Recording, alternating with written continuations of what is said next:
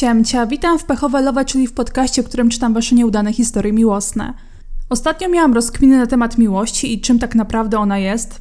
Jak coś, to dalej nie znam odpowiedzi, ale zapytałam też was, co sądzicie, jakie wy macie przemyślenia, bo słuchajcie, ostatnio dowiedziałam się, że są komentarze na Spotify i je wszystkie przeglądnęłam, także bardzo za nie dziękuję. I szkoda, że się nie da na nie odpowiadać, przynajmniej ja nie widzę takiej opcji, ale postanowiłam, że w takim razie, skoro wy napisaliście, co sądzicie o miłości, to ja po prostu przeczytam wasze odpowiedzi. Ten odcinek nagrywam z wyprzedzeniem. Jak wy go słuchacie, to ja od kilku dni jestem w Trójmieście, także może i nie mam bardzo dużo komentarzy, ale i tak za nie dziękuję. Pierwszy komentarz. Mi się wydaje, że miłość to uczucie, które chcemy dawać i być obdarzani tym samym, myśląc o tym, by siebie wzajemnie uszczęśliwiać i nie szkodzić też sobie wzajemnie. Kolejna definicja miłości.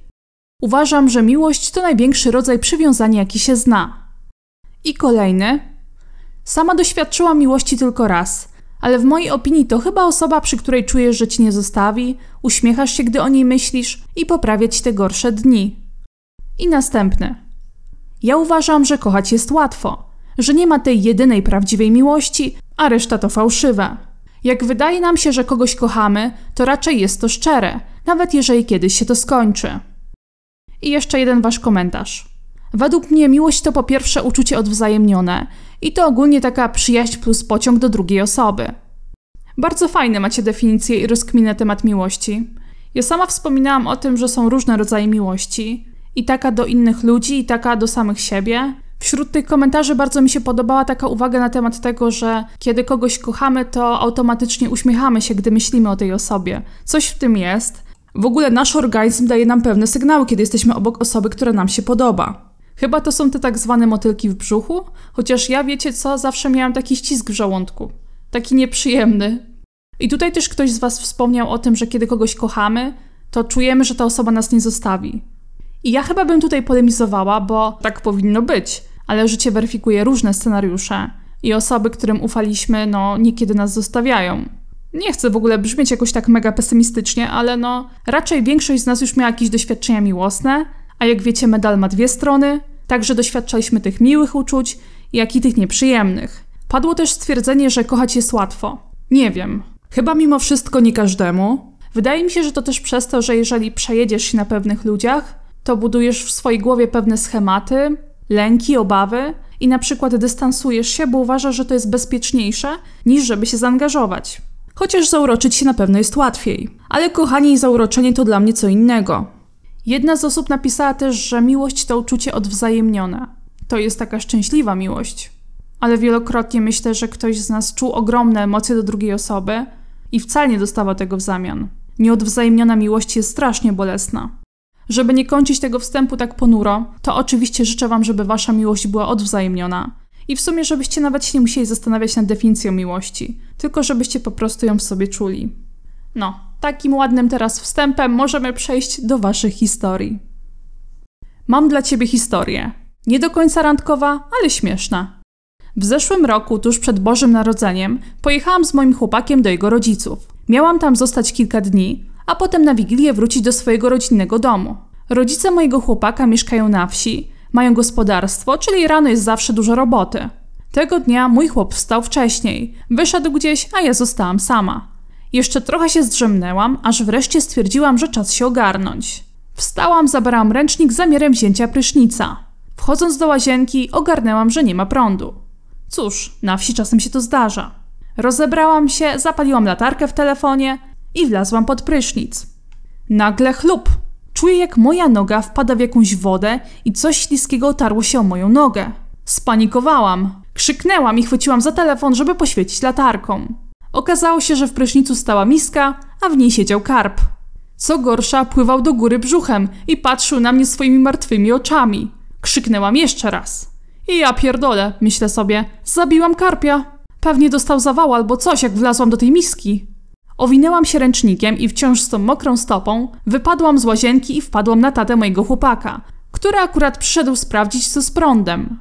Zaczęłam mu gorączkowo tłumaczyć, że zabiłam karpia, że on musiał dostać zawału, że jak krzyknęłam, on pewnie też w duchu krzyknął i umarł.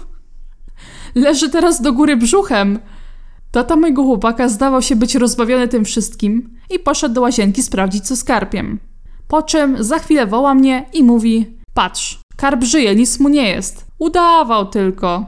Okazało się, że karpie, jak mają mało powietrza, to pływają tak bardziej brzuchem do góry i za bardzo się nie ruszają. Oczywiście cała rodzina mojego chłopaka miała ubaw, że przestraszyłam się karpia i że myślałam, że go zabiłam. A no i jak wrócił mój chłopak, to się okazało, że karp ma na imię Andrzej i że mój szwagier złowił go rano i przywiózł do rodziców z zamiarem zabicia na Wigilię. Dziękuję za historię. Wiem, że ona nie jest randkowa, ale y, jest tam motyw chłopaka.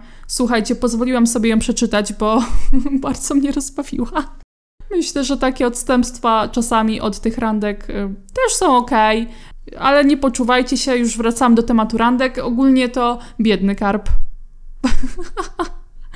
I ty też biedna, bo nabrałaś się, a raczej on cię nabrał. To jest karp prankster. Także no, taka historia na wstęp. I lecimy z kolejną. Jestem na kierunku anglojęzycznym, co wiąże się z tym, że gdy na uczelnię przyjeżdżają studenci z Erasmusa, najczęściej są wrzucani do mojej grupy. Na pierwszym roku przyjechał m.in. typ z Armenii. Zagadywał do mnie, ale i tak utrzymywałam dystans, bo chciałam się ewentualnie pokumplować. Szybko się okazało, że typ ma dość specyficzne poglądy. Cały czas opowiadał wszystkim o tym, jak bardzo jest niezadowolony z tego, że wszyscy gadają o wojnie na Ukrainie, a w Armenii też się dzieje źle i o tym to już nikt nie mówi. Zaświeciła mi się czerwona lampka, bo rozumiem jakiś rodzaj frustracji, ale w mojej opinii wojna to taka sytuacja, w której jakiś wyścig pod tytułem Kto ma gorzej naprawdę nie powinien mieć miejsca. Oprócz tego typ cały czas próbował mnie ściągnąć do swojego mieszkania. Nie muszę chyba wspominać o tym, że zaproszenia zawsze miały miejsce wieczorem lub w nocy. Raz zgodziłam się go oprowadzić po mieście i oczywiście musiałam odmówić zaproszenia. Typ zawsze miał wymówkę. A to mnie nauczy grać na gitarze, a to mu plecak zszyje, bo biedaczek nie umie szyć.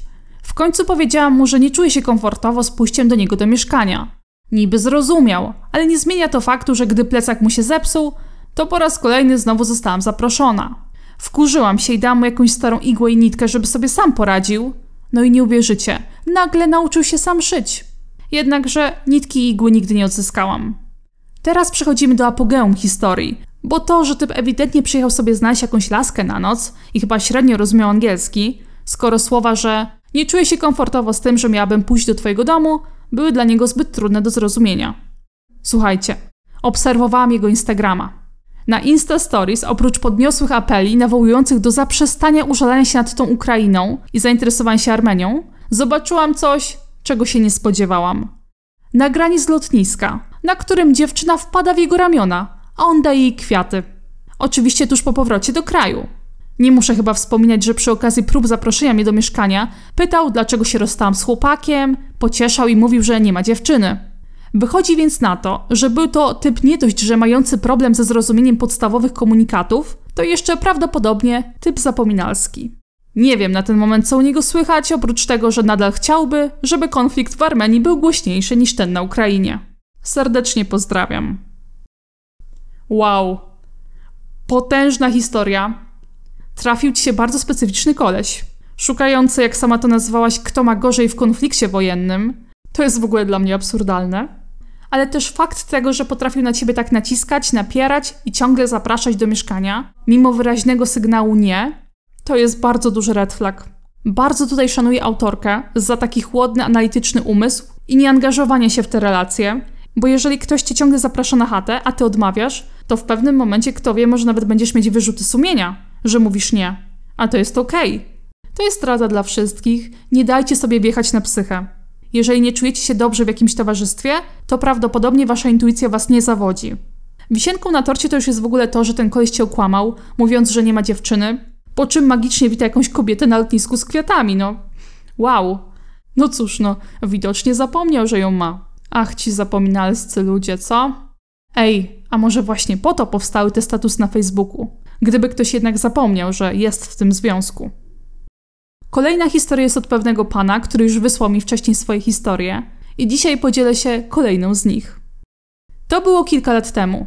Miałem stałą pracę, studiowałem zaocznie i niestety z powodu wybranego kierunku nie miałem zbyt dużo do czynienia z płcią przeciwną. Owszem, uczestniczyłem w wypadach studenckich, ale po przejściu przez próg imprezowni z dudniącym techno uciekałem do zacisza swojego domu. Socjalnie integrowałem się, ale poprzez fotografię. Miałem już wymarzony sprzęt, a stary chciałem sprzedać, by nie zalegał na półce. Trafiła się zainteresowana para, spotkaliśmy się w centrum i na spotkanie owszem przyszła ta para, ale z dobrą koleżanką, która wpadła mi w oko.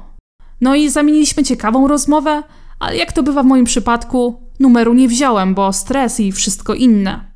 Po kilku tygodniach wpadłem na pomysł, że dostarczę brakujące akcesoria wspomnianej parze, a w zamian dostanę numer do tej dziewczyny. Zbierałem się do napisania przez kilka dni, ale w końcu się udało. Popisaliśmy chwilę, po czym dowiedziałem się, że wyjeżdża za granicę. Podczas naszych rozmów usłyszałam od niej, że jest taką taneczną osobą, muzyczną, śpiewa w zespole, maluje. Pomyślałem sobie, że kurczę, coś fajnego. Końcu twórcza i przemiła osoba, z którą można powiązać pasję. No i wyjechała. Co jakiś czas dostawałem od niej zdjęcia z wernisaży. W głowie rysowałem sobie, że udało jej się podpisać kontrakt i maluje dla jakiejś firmy czy cokolwiek innego twórczego. Tutaj powinny zapalić się lampki, bo pisała do mnie zawsze dwa razy. Pierwszy raz chwaliła się co i jak. Natomiast po kilku godzinach druga wiadomość była mocno smutna i wręcz przepełniona przekleństwami odnośnie wyżej wspomnianej pracy. Po miesiącu udało nam się zdzwonić. Było ok, ale miałem wrażenie, że jest na jakiejś dużej imprezie, bo co chwila ktoś przechodząc koło niej wieszał się jej na szyi i krzyczał do telefonu stek bzdur. Wisienką na torcie był SMS o 4.30, że przejebała pieniądze, a ja jako dżentelmen mam jej przydać 3 funty na metro. No cóż, wróciłem do swoich zajęć, traktując wspomnianą wiadomość jako żart. W końcu wróciła. Dała znać, że właśnie ląduje i za kilka dni wybierzemy się na umówioną randkę. To kilka dni zajęło jej trzy tygodnie. Po telefonie do niej umówiliśmy się.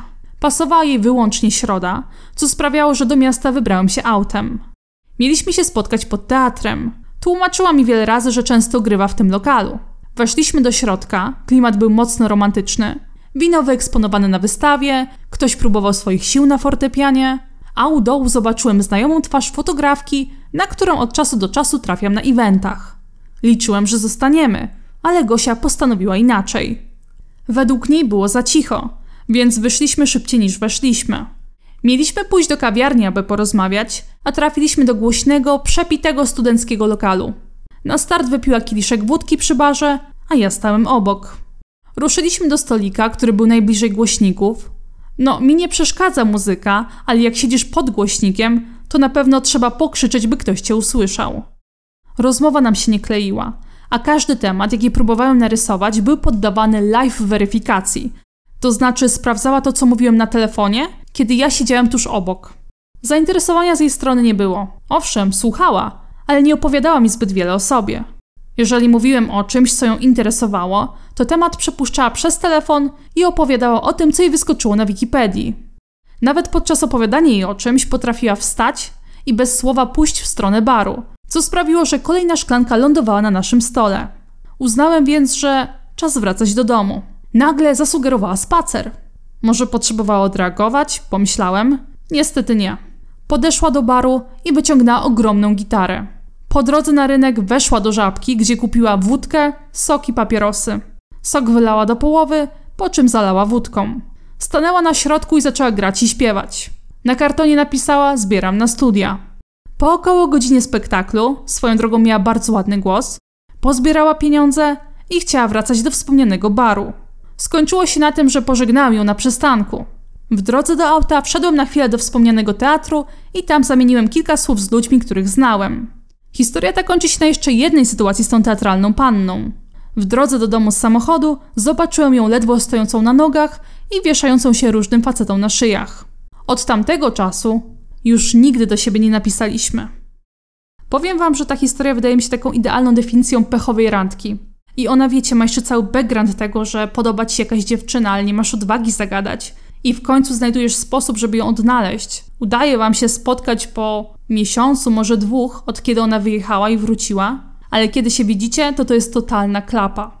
I niestety, ale wszystko idzie nie tak. Nie odpowiada jej ciche miejsce, więc idziecie do klubu, gdzie jest głośna techniawa i mnóstwo alkoholu. Ona non-stop pije, a ty tak naprawdę nie wiesz, co ze sobą zrobić. Pewnie też często w takich momentach budzi się chęć po prostu opieki nad drugą osobą. Zwłaszcza jeżeli dużo pije i widzisz, że ledwo stoi. Współczuję takiej randki i mam nadzieję, że mimo wszystko nie myślisz o sobie źle.